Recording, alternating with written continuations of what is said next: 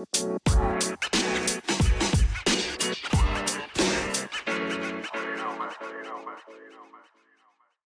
halo, halo. Selamat datang. Selamat datang di LL The Podcast. Sebenarnya ini masih lanjutan lanjutan ya Heeh. dari episode yang Sebelumnya. kemarin yang akan tayang di hari Minggu. Nah, ini kita bagi dua karena emang narasumbernya dua.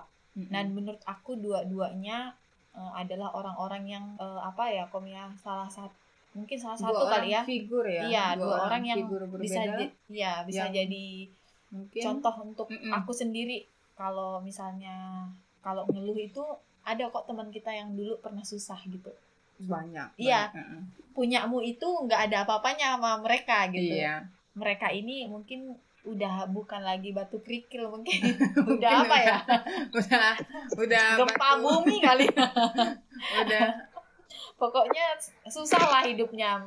Kamu tuh kalau ngeluh tuh malu sama mereka gitu kan. Nah ini eh, apa namanya untuk eh, apa eh, narasumber kita. Narasumber apa sih ngomongnya Iya kan ya udah Narasumber. narasumber pokoknya eh, orang yang kita ajak ngobrol kali Mm-mm. ini emang nggak akan kita sebutin namanya siapa kita eh, apa Panggilnya. namanya inisial aja kali ya boleh kakak boleh ngobrol Eh, halo, selamat malam. Oke, perkenalan bener perkenalkan kali ya namanya. Nama eh, inisialnya aja deh. Eh, Oke, eh, selamat malam semuanya ya. Eh, nama aku L. Aku saat ini kerja di salah satu tempat di kota di Kalimantan Barat. Hmm. Dah itu aja. Ya, oke. oke Nah, yang mau kita bahas kali ini adalah kayak apa ya? Perja- Kalau kemarin Hmm. itu kan kita nyeritain teman kita yang dosen ya. Mm-mm. perjalanan itu lebih ke perjalanan karir ya Iya, Nah, betul. jatuhnya. Nah, yang tapi yang mau aku highlight itu adalah ketika kayak apa sih perasaannya kamu tuh S2 tapi ternyata gajinya cuma 95.000 ribu, 400 ribu, 900 Iya. ribu padahal ekspektasi kita kalau sudah S2 aku S2 loh Mm-mm. di universitas ternama salah satu universitas ternama di Indonesia tapi kok ternyata nyari kerja susah, Susah ya juga. sesusah itu Mm-mm. gitu nah itu yang kemarin kita bahas ini kak jadi eh, teman aku yang s- jadi dosen di kota Pontianak itu eh, berbuah manis akhirnya ya Mm-mm. sekarang setelah lima tahun setelah menjalani Iya, nah yang mungkin kita share sedikit kali ya di isi podcast kemarin itu adalah em, apa namanya dia itu dihadapi dengan dua pilihan sebenarnya. Jadi di perusahaan yang di perusahaan pertama dia itu dia hire sebagai HRD, udah pasti gajinya lebih gede ya. Nah kalau yang kedua itu dia di eh, dosen. Tapi emang udah dikasih perjanjian di awal ditegaskan bahwa udah pasti gajinya lebih kecil gitu. Tapi di pilihan dia dia bertahan karena dia merasa mungkin aku harus bertahan aja tapi sabar kalau dia keluar tapi tapi belum tentu karirnya akan sama kayak sekarang atau mungkin lebih susah lagi nyari kerjanya gitu jadi pilihannya dia bertahan dan sabar dan ternyata lima tahun kemudian siapa yang tahu dia sekarang udah jadi asesor Mm-mm. kemudian jadi wakil rektor juga kemudian ada banyak pencapaian sih Iya. dalam karirnya dia ya kan Iya. bisa Nah. jadi MC iya nah itu yang apa highlight dari interview kita kemarin interview pokoknya obrolan kita di podcast yang part 1 kemarin nah aku mau nanya nih kak L nih eh, boleh nggak diceritain cerita hidup eh, ketika pernah nggak sih u- pasti pernah sih ya eh, titik terendah dalam hidup itu yang kayak gimana dan gimana sih ngelewatinnya gitu Eh, Oke sih, em, titik terendah ya. Kalau Hmm. titik terendah dalam hidup aku sih, eh, sebetulnya sampai detik ini aku masih tetap kayak berjuang ngelawan diri aku sendiri ini. Hmm. oke eh ini sorry to say ya, sorry banget mungkin ada teman-teman yang ngedengerin kayak isinya apaan sih. Eh aku sebetulnya agak deg-degan nih mau ngomong Mhm. karena aku juga masih ibaratnya sekarang tuh masih survivor gitu, pejuang Oh, masih iya. Ha-ha. eh, ngelawan hal itu di diri aku. Mm-mm. I'm the part of LGBT. Hmm, Oke. Oke. Yes, that's me. uh, aku sebetulnya kalau dilihat dari background keluarga aku, uh, keluarga aku kalau orang bilang uh, LGBT itu keturunan atau mungkin uh, karena uh, sosial ya. Cuman kalau aku lihat di background keluarga aku sendiri, nggak ada hal yang aneh. Hanya mungkin uh, ayahku memang sosok ayah yang sangat keras. Mungkin pada umumnya semua ayah di dunia ini mungkin juga memiliki perangai yang seperti itu. Uh, kalau dilihat dari sisi lingkungan aku tinggal, kemudian uh, cycle pergaulan aku, aku juga bukan pergaulan yang aneh, maksudnya pergaulan yang Normal yang ya, seperti anak-anak uh, uh, Iya, hetero heterogen lah, hmm. banyak uh, banyak banyak orang, maksudnya nggak nggak cycle-nya nggak yang iya. seperti itu gitu. Iya. Nah itu sih, jadi uh, titik terendah aku, uh, maaf ya aku agak segitu. Gak apa-apa. Jadi uh, aku sudah came out sebetulnya. Uh, semua teman kerja aku, at least mayoritas mungkin udah tahu. Meskipun aku nggak secara gamblang bilang aku ini oh, okay. kayak gitu loh. Mm -hmm. uh, yang aku aku juga udah sempat ngomong sama orang tua aku walaupun hanya ibu ya sama kakak aku ya. Mm-hmm. Kalau sama bapak aku sampai sekarang aku belum berani karena sikap beliau yang cukup keras. Keras. Keras ya. Mm-hmm. Keras banget. Mungkin kalau aku bilang ya atau mungkin kalau ibu aku nggak kooperatif sama aku mungkin dia akan cerita sama bapak aku dan Oh, oke. Okay. Berarti mungkin aku, sampai saat uh, ini Bapak belum tahu ya? Bapak belum tahu. Ibu sudah tahu karena aku yeah. sudah pernah cerita. Cuman Ibu hanya kayak mendinai, tahu nggak? Jadi iya. eh, nggak yeah. uh, mungkin lah anak aku kayak yeah, gitu, yeah, yang yeah, yeah. kayak gitu. Denial ya pokoknya sama fakta yang udah di anaknya kasih tahu gitu ya? Mm -hmm, betul. Nah kalau ya, uh kalau kayak gitu kan pasti berat ya, pasti berat. Berat banget berat banget mungkin tuh. mungkin aku sama Koni nggak nggak mengalami hal itu. Mm -hmm. tapi kita tahu betapa beratnya hal itu dan apa ya udah pasti banyak pergulatan batin ketika iya, harus betul banget. apalagi orang tua ya. Kalau mungkin mm. cuma sekedar teman mungkin teman pasti cuma ceng-cengin aja. Oh ya wes lah. Udah banyak juga kok. Tapi beda kalau sama, sama orang, orang tua, tua. ya. Karena betul. mungkin ekspektasi orang tua kok bisa ya anakku Apalagi seperti ini di Indonesia gitu. masih sangat tabu ya iya betul seperti itu uh, boleh nggak di share itu uh, apa namanya ketika cerita itu gitu ketika uh, akan menyampaikan itu kepada orang tua apa pertimbangan paling besar dan kenapa harus jujur gitu kan bisa tuh oh, gitu. banyak orang kan menutupi hal itu iya. kan apa yang akhirnya memutuskan kamu untuk aku harus uh, ngomong nih sama orang tua gitu? Uh, sebetulnya itu prosesnya cukup panjang. Aku sampai memberanikan diri untuk ngomong sama ibu aku ya, terutama. Mm -hmm. Itu sudah kayak bertahun-tahun kayak batin aku nih kayak soalnya ketika aku pulang, aku kan kerjanya merantau keluar kota, otomatis uh, pulang tuh jarang. Maksudnya uh, mungkin satu tahun mungkin ada beberapa kali, entah itu momen hari raya ataupun momen yeah. perayaan tertentu ketika aku pulang selalu yang ditanya adalah mana pacarnya, kapan nikah dan lain sebagainya. Sehingga pertanyaan itu uh, betulnya aku tuh pulang aku nggak mau ada pertanyaan itu. Iya betul. Terus mm, karena pergolakan batin aku bilang sama Tuhan, Tuhan uh, aku ingin jujur aja sama ibu aku. Aku nggak mau mereka kecewakan keputusanku. Terus akhirnya aku beranikan. Sebetulnya aku ngomong sama orang tua itu tiga bulan atau empat bulan yang lalu ya aku agak lupa. Pokoknya ya sekitar baru-baru ini antara tiga bulan atau sampai empat bulan yang lalu aku ngomong sama ibu aku. Dan reaksi beliau uh, karena hati ibu lembut ya uh, dia tidak langsung kayak ngejudge kamu ini kamu itu tapi tetap dia kayak uh, menyangkal. Maksudnya uh, enggak le. Kayak uh, mungkin aduh saya agak sedih bilang. Uh, intinya gini orang tua aku dia uh, bilangnya gini aja.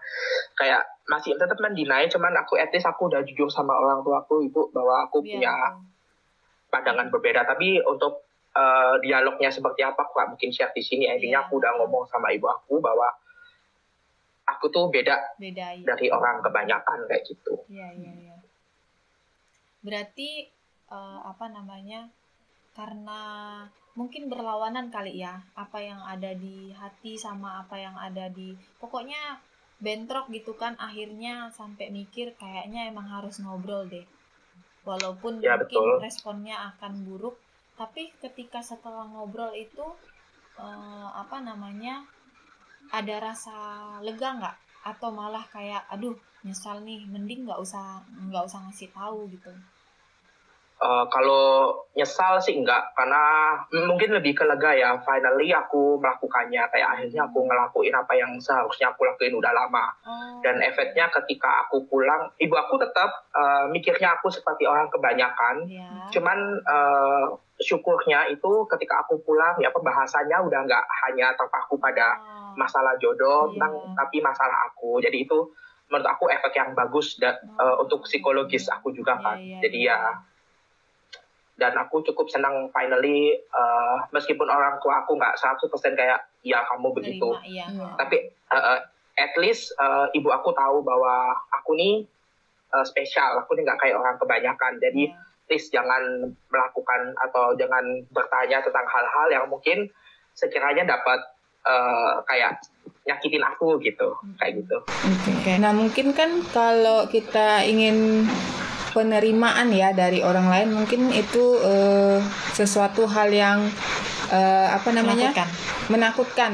Tapi aku pengen tahu nih bagaimana sih proses kamu menerima dirimu sendiri.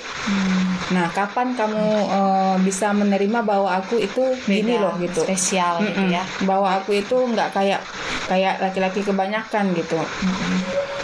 oke sebetulnya ya kak jujur sampai saat ini tuh aku masih kayak dalam hati setiap aku bangun tidur Tuhan aku nggak mau gini Tuhan aku nggak mau gini aku Tuhan nggak mau gini.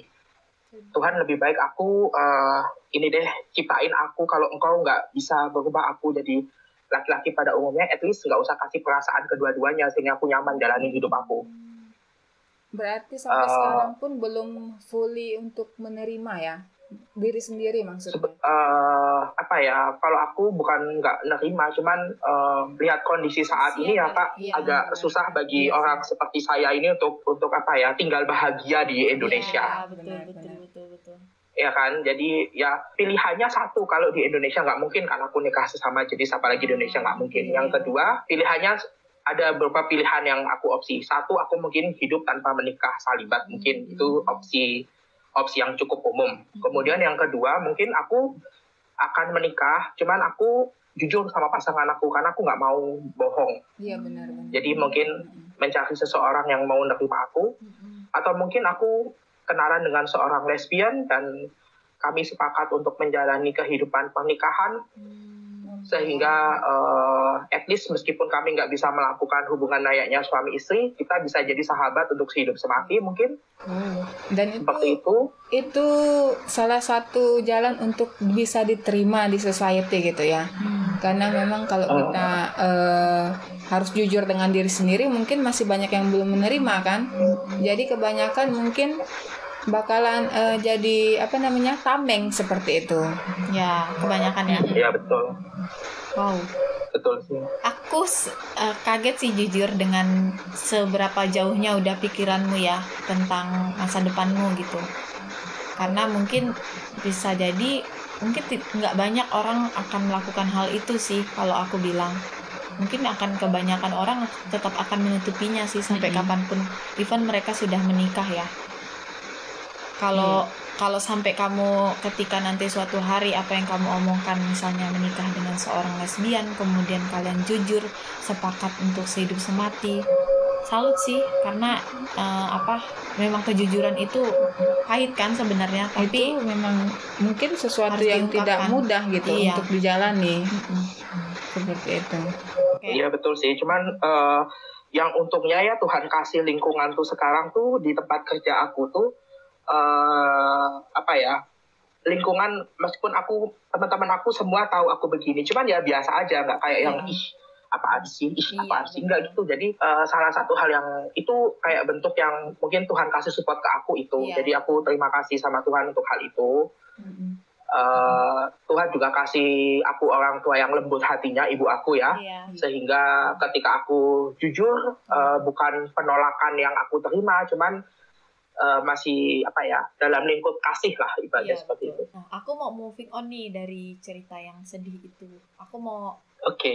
Uh, itu kan mungkin personal ya, lebih ke apa ya namanya uh, batin kita atau pergolakan, pergolakan batin. Nah, aku mau ke masalah karir nih karena uh, apa namanya lumayan menarik nih karena dulu kayaknya kakak pernah kerja ya sebelum dikerja di, di perusahaan ini. Dan uh, boleh diceritain nggak struggle uh, apa di dunia kerja tuh sekeras apa sih? Dan kayak apa sih kita harus bertahan di dunia kerja? Dan untuk orang-orang yang mungkin mengeluh dengan dunia kerja orang itu harus seperti apa sih gitu mungkin dimulai dulu dengan karir ya iya perjalanan hmm. karirnya boleh untuk perjalanan karir aku sebelum aku memutuskan untuk di bekerja di tempat aku saat ini hmm. aku kan dari kota kecil di Jawa Timur ya di salah satu kota kecil di Jawa Timur di Malang ya aku lulus sekolah aku nggak kuliah dulu nih aku uh, kerja dulu satu tahun di oh salah satu toko buku, okay. toko buku Islam. Nah itu itu cukup menarik nih. Yeah. Salah satu toko buku Islam. Pada saat itu gajinya ya ya alhamdulillah ya. Uh, gajinya uh, eh, UMR sana lah, ya lumayan. Iya. Uh, pokoknya UMR kota tersebut. Nah terus uh, ini ada apa? Bentar ya. Mm-hmm. Okay. Nah terus setelah satu tahun aku kerja di toko buku, aku mutusin karena aku pengen pindah ke luar kota. Jadi aku pindah keluar kota, aku kerja di salah satu pabrik di Krian Sidoarjo. Itu di Krian Sidoarjo, jadi di pabrik kayu, tapi dia uh, ekspor. Jadi pabrik apa ya, uh, furniture Oh, dia iya. ekspor. Cuman karena aku yang biasanya itu kerjanya santai ya, ketika satu tahun di toko buku itu kerja santai, yeah. hanya saya di sana sebagai staf administrasi waktu itu. Mm. Kemudian saya memutuskan untuk pindah ke luar kota dengan harapan memiliki pendapat yang tinggi karena saya punya cita-cita, oke okay, saya ingin lanjutin kuliah pada saat itu ya. Nah itu saya hanya bertahan tiga bulan karena uh, ritme pekerjaan yang nggak sesuai sama apa yang saya harapkan. Okay. Tapi gajinya ya lumayan. Terus uh, dua tiga bulan, akhirnya keinginan kuliah itu udah pudar lah, udah nggak ada karena udah terlena sama gaji ya. Iya iya iya benar. Akhirnya ya itu uh, keterimalah saya di pekerjaan saya saat ini yang saya jalani udah Which kurang lebih empat tahun kurang lebih. Oh, empat tahun. Ini yang paling lama. Hmm. Hmm. Yang paling lama. Nah di kan di perusahaan ini udah paling lama nih. Uh, hmm. Apakah apa namanya uh, pasti udah pasti ada struggle-nya gitu kan. Untuk harus tetap bisa bertahan di perusahaan mana pun kerja itu pasti capek gitu kan. Nah ya, gimana betul. sih ngakalinnya kalau misalnya kita lagi capek terus kita pengen resign atau ketika kita pengen aduh kayaknya udah udah nggak cocok nih kerja di sini kayaknya udah terlalu capek banget kayaknya uh, mungkin atasan aku nih cerewet banget atau temen-temen apa ya uh, teman partner kerja nih kau nyebelin banget atau misalnya apa pun itulah mungkin bermasalah apa pun lah dengan hal-hal yang ada di perusahaan itu gimana cara ngakalinnya biar mental kita itu kayak kebangun gitu? Atau uh, awal-awal awal-awal masuk di perusahaan itu ada perasaan kayak kayaknya aku mau resign nih gitu atau emang udah dari awal emang ya udah aku harus bertahan aja gitu. Enggak sih satu tahun atau dua tahun ketika saya bergabung di perusahaan yang sekarang itu uh, masih fun fan aja ya. Hmm. terus baru masuk tahun ketiga itu kayak jenuh. Karena pada saat itu ya saya uh, maksudnya tingkatan dari tingkatan satu tingkat ke tingkat selanjutnya itu cukup lama. Jadi selama dua tahun saya struggle di posisi itu. Oh, okay. nah akhirnya saya mutusin aduh saya pengen resign nih. Tapi uh, tipikalnya saya ya kalau resign tuh saya nggak uh, nggak nggak nggak bilang-bilang gitu. Tahu-tahu udah naruh beberapa CV aja di email. Terus saya uh, bilang sama teman dekat saya waktu itu namanya uh, oh ya namanya Aidil uh, Kak Aidil saya mainnya gitu. Nih Kak Aidil aku ada panggilan nih ada panggilan. Oh. uh, panggilan di salah satu brand fashion. Mm -hmm. itu dua tahun yang lalu ya. Oh, oke. Okay. di salah satu brand fashion. Jadi aku ambil nggak Terus kata dia gini, e, kamu kalau mau ambil itu, kamu pertimbangan dulu. Kamu udah cukup lama kerja di sini dua tahun dan ketika kamu uh, mutusin untuk pindah ke satu tempat itu kan belum tentu diterima. Jadi aku mikir iya sih betul juga. Soalnya waktu itu interviewnya di oh, Jakarta aku udah ya? interviewnya di Jakarta aku udah booking tiket. Waduh. Aku udah beli tiket di Traveloka, kemudian udah udah mutusin untuk izin sakit ya waktu itu ya, hmm. izin sakit bahwa aku benar-benar dari Surabaya ke Jakarta untuk interview itu. Nah di hari hanya aku mikir lagi, aduh gimana nanti kalau misalnya aku nggak terima, hmm. terus aku udah, eh ya udah aku angusin tiket itu, nggak aku nggak jadi berangkat dan aku uh, dan aku memilih bertahan dan pada saat itu pikiran aku gini ya ya ya udahlah nggak apa-apa uh, aku tetap di sini aja kali aja kali aja ketika aku bertahan uh, apa kali step aku lebih jelas dan Hmm, ya betul. nah pada saat itu uh, mungkin beberapa bulan atau sekitar uh, hampir setengah tahun itu ada tawaran untuk pindah toko di toko toko berbeda tapi di dalam kota jadi misalnya di satu kota itu ada tiga toko toko Hmm. ABC nah aku ada tawaran nih pindah di toko B Ah, oke. Nah terus ya udahlah aku ambil. Nah di situlah eh, kayak oh step aku udah jelas nih. Oh ritmenya kayak gini. Oke ya udah aku ikut aja. Pokoknya intinya gini kalau teman-teman semua pengen resign atau pengen eh, resign itu hal yang normal. Resign itu hal yang wajar. Eh, kalian ingin dapat hal yang apa baik, ya. pekerjaan yang jauh lebih baik daripada pekerjaan yang Sekarang. lalu itu mm, itu hal yang wajar sih nggak ada salahnya orang resign dan memutuskan untuk pindah kerja. Cuman ketika kalian eh, kayak bosen bekerja, capek bekerja, ingat aja jauh lebih capek apa lebih nyaman kalau kita itu eh, capek kerja daripada kita capek nyari pekerjaan. Iya, Betul, setuju. Betul sekali. Setuju banget, setuju, setuju. Eh, berarti kalau misalnya kita pindah toko itu dari toko A ke toko B itu ada jenjang karir ya. Ja- Misalnya dari toko A ke toko B, kamu dari grade A naik ke grade B gitu. Iya betul, soalnya pada saat interview itu ada eh, Tawarannya Ada ya. Perjanjian kayak gitu. Kamu mau nggak dipindah di toko B? Konsekuensinya nanti ketika eh, ini kamu dapat promosi seperti ini, nah kayak gitu. Oh, oke. Berarti dengan bertahan ternyata ada hikmahnya ya. Mungkin Mm, Iya sih betul. iya sama kayak teman kita kemarin kan yang kita Mm-mm. ya ya kan yang awalnya dia juga mikir kan ini aku cari kampus baru aja kali ya karena kok kok gajinya miris banget ternyata setelah dia bertahan udah bisa jadi wakil rektor kemudian dan sekarang bisa jadi asesor banyak hal yang dia capai. Nah kalau sekarang itu kan eh, apa namanya cara kamu menerimanya itu adalah menjalani ya menjalani eh, apa namanya eh, kedua hal itu ya. Itu kan ke- eh, tadi dua cerita itu dua hal yang berbeda ya kan? Iya. satu tentang profesionalitas yang satu tentang pribadi. Eh, sekarang kamu ngerasanya di dua-dua dua masalah ini udah bisa dilewati atau ada salah satu yang memang harus ag- agak diturunin dikit yang satu harus lebih eh, dominan? Atau gimana ca- cara kamu untuk ngelewati dua masalah itu Mungkin gini kali ya, simpelnya eh, apakah pada saat ini sudah pada posisi nyaman, pos- posisi nyaman dengan kehidupan pribadi dan secara profesional gitu. Eh, kalau profesional sih aku saat ini ya eh, tetap challenge diri aku. Aku tetap eh, tetap maksudnya tetap ya udah aku pokoknya harus tetap bukan stay, cuman maksudnya apa ya? Aku mau mau challenge diri aku ingin berada di posisi yang lebih tinggi lagi di tempat aku kerja saat ini. Jadi aku eh, keep fight, aku tetap jadi bertahan di tempat aku kerja saat ini. Hmm.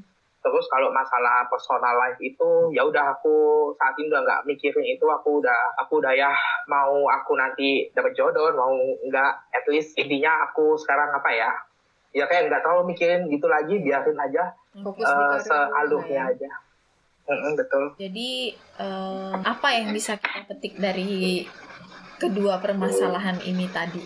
Mungkin yang bisa di-share sama orang-orang yang mungkin punya struggle yang sama seperti kamu karena kan kadang kita nih ya kita ngerasa ini masalah kita sendiri ternyata ada, Ada banyak juga, iya. orang yang punya permasalahan yang, Yang sama. persis sama Mm-mm. kayak yang kita lewati sekarang. Eh, kalau untuk personal life aku mungkin nggak bisa share banyak ya karena saat ini aku juga masih survivor aku juga masih Oke. struggle sama diri aku sendiri tapi kalau misalnya untuk eh, pekerjaan ya eh, teman-teman eh, coba pikir aja ketika kalian contoh udah terlalu lelah bekerja kemudian kalian bekerja itu eh, dalam seharian kalian banyak ngeluhnya daripada bersyukur ingat aja lebih capek lebih enak kalau kita capek kerja daripada kita harus capek bersusah payah cari kerja itu aja sih.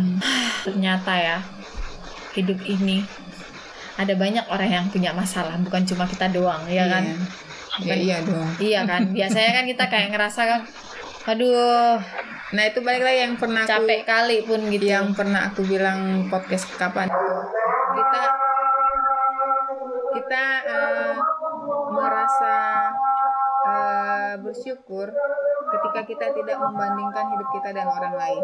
Iya. Kita akan merasa Ya betul. merasa konten dengan hidup kita. Bahagia jangan, ya. Walaupun membanding, jangan membandingkan dengan yang di bawah kita ataupun yang di atas kita gitu.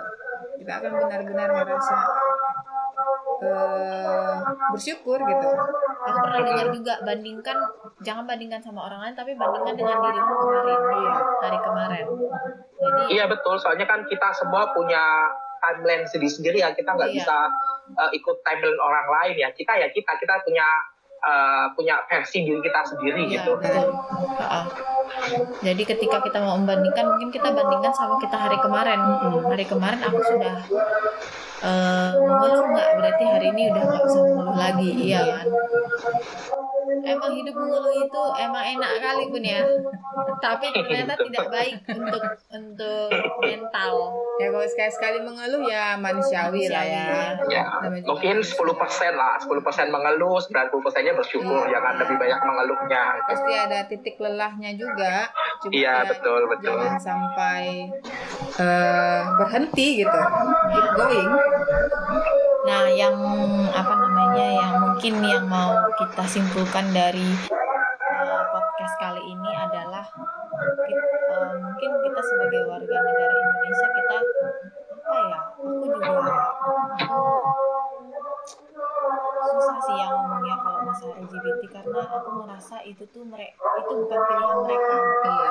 Mereka tuh terlahir dah udah dengan Yes, betul, born this itu, way. ya, dengan Tuhan yang ngasih Mm-mm. apa ya kelebihan dalam diri mereka karena kadang kita mencemooh mereka kadang talent mereka lebih lebih Tuhan lebih kasih lebih banyak daripada kita yang katanya normal. Iya. kita banyak mencemooh mereka. Tapi kita lupa bahwa kita mencemooh orang itu adalah udah bagian dari dosa ya kan? Sedangkan kau bilang mereka itu berdosa padahal kau sendiri sudah melakukan dosa untuk orang lain. Iya, dengan dengan ngata-ngatain dengan bilang ah itu dosa itu aib keluarga. Kalau mungkin mereka bisa milih tidak terjadi seperti itu ya mungkin mereka bisa bisa request kan. Sayangnya men- apa namanya lahir ini kita nggak bisa Iya. request dari kandungan siapa dan terakhir seperti apa Mungkin untuk Iya, betul. kita kita mungkin eh, lebih lebih terbuka pikiran ya, lebih Iya, open minded betul. terhadap Nah. terhadap sesama. Iya. Itu kan mungkin personal life selama dia tidak mengganggu hidupmu, kenapa kita harus mengusik hidup mereka gitu? Gitu aja sebenarnya. memang kita hidup itu emang diversity ya banyak orang ber- bermacam ragam jangan jangan terpaku sama oh ini ada perempuan laki-laki ini ada jalan ada ada jalan lurus ada jalan belok jalan tuh banyak ada yang lika-liku Iya. ya kan nanjak turun banyak ragamnya jadi ketika kita bergaul dengan orang itu juga bisa membuka wawasan juga kemudian membuka pikiran juga bahwa bukan cuma kita loh yang hidup di dunia ini Iya. manusia aja ada alien Itu juga sama-sama ciptaan Tuhan kan? kan iya makanya kemudian kalau di di sisi pekerjaan tadi mungkin yang sudah di highlight seperti KKL bilang bahwa secapek-capeknya kamu mengeluh kerja lebih capek lagi kalau nyari kerja Iya. iya kan jadi apa pun yang mungkin kita hadapi sekarang mungkin kita harus sabar itu untuk aku juga ya Mm-mm. harus sabar masih bahwa suatu struggling hari ya. iya bahwa suatu hari percayalah bahwa apa yang kamu tabur sekarang akan kamu tuai nanti di mungkin bukan satu dua hari mungkin satu dua bulan satu dua tahun mungkin pada saat pada saatnya nanti akan ada dia akan datang gitu Yang penting terus berusaha. Iya. Jangan rebahan mulu ya. Rebahan sih enak sih jujur. Oke lah KL kita tutup Baik. podcast uh, kali ini. Uh, semoga teman-teman yang dengar apa ya Bisa mendapatkan something lah. iya Hmm, jangan jangan lihat kami hanya sebagian dari apa ya sampah atau apa. Kami itu juga sama seperti kalian. Maksudnya Hmm, eh, banyak orang yang terlihat seperti eh, yang terlihat seperti saya itu sebetulnya dalam hatinya itu masih bergerojolak sampai hari ini jadi betul. eh, jangan tambah-tambahi dengan Iya. hal-hal yang menyakitkan itu aja Iya. Wow. Mending urus hidup masing-masing lah ya. Nggak usah nggak usah Ya, betul. orang lain gitu. Oke. Ya, ya terima kasih banyak atas waktunya ya. Eh? Saya udah dikasih kesempatan untuk share. Terima Kita yang terima kasih loh. Terima kasih Oh, iya, iya. Iya. Kita yang terima kasih Belum karena bisa dibayar apa-apa loh ini. Iya, karena bercerita yang itu aja tadi udah Butuh berat kan? keberanian loh Iya, ya. itu butuh butuh keberanian, yang besar gitu. bisa dibilang juga membongkar rahasia sendiri kan, Hmm. walaupun kita tidak tahu identitasnya, tapi untuk berbicara secara publik gitu. Iya, tapi mungkin aku rasa eh, KKL mungkin bisa eh, mendapatkan sesuatu dengan sharing mungkin bisa lebih Iya. eh, salah satu cara untuk menerima, Iya, menerima dirinya ya. yourself gitu. Iya, betul. Iya betul. Lah.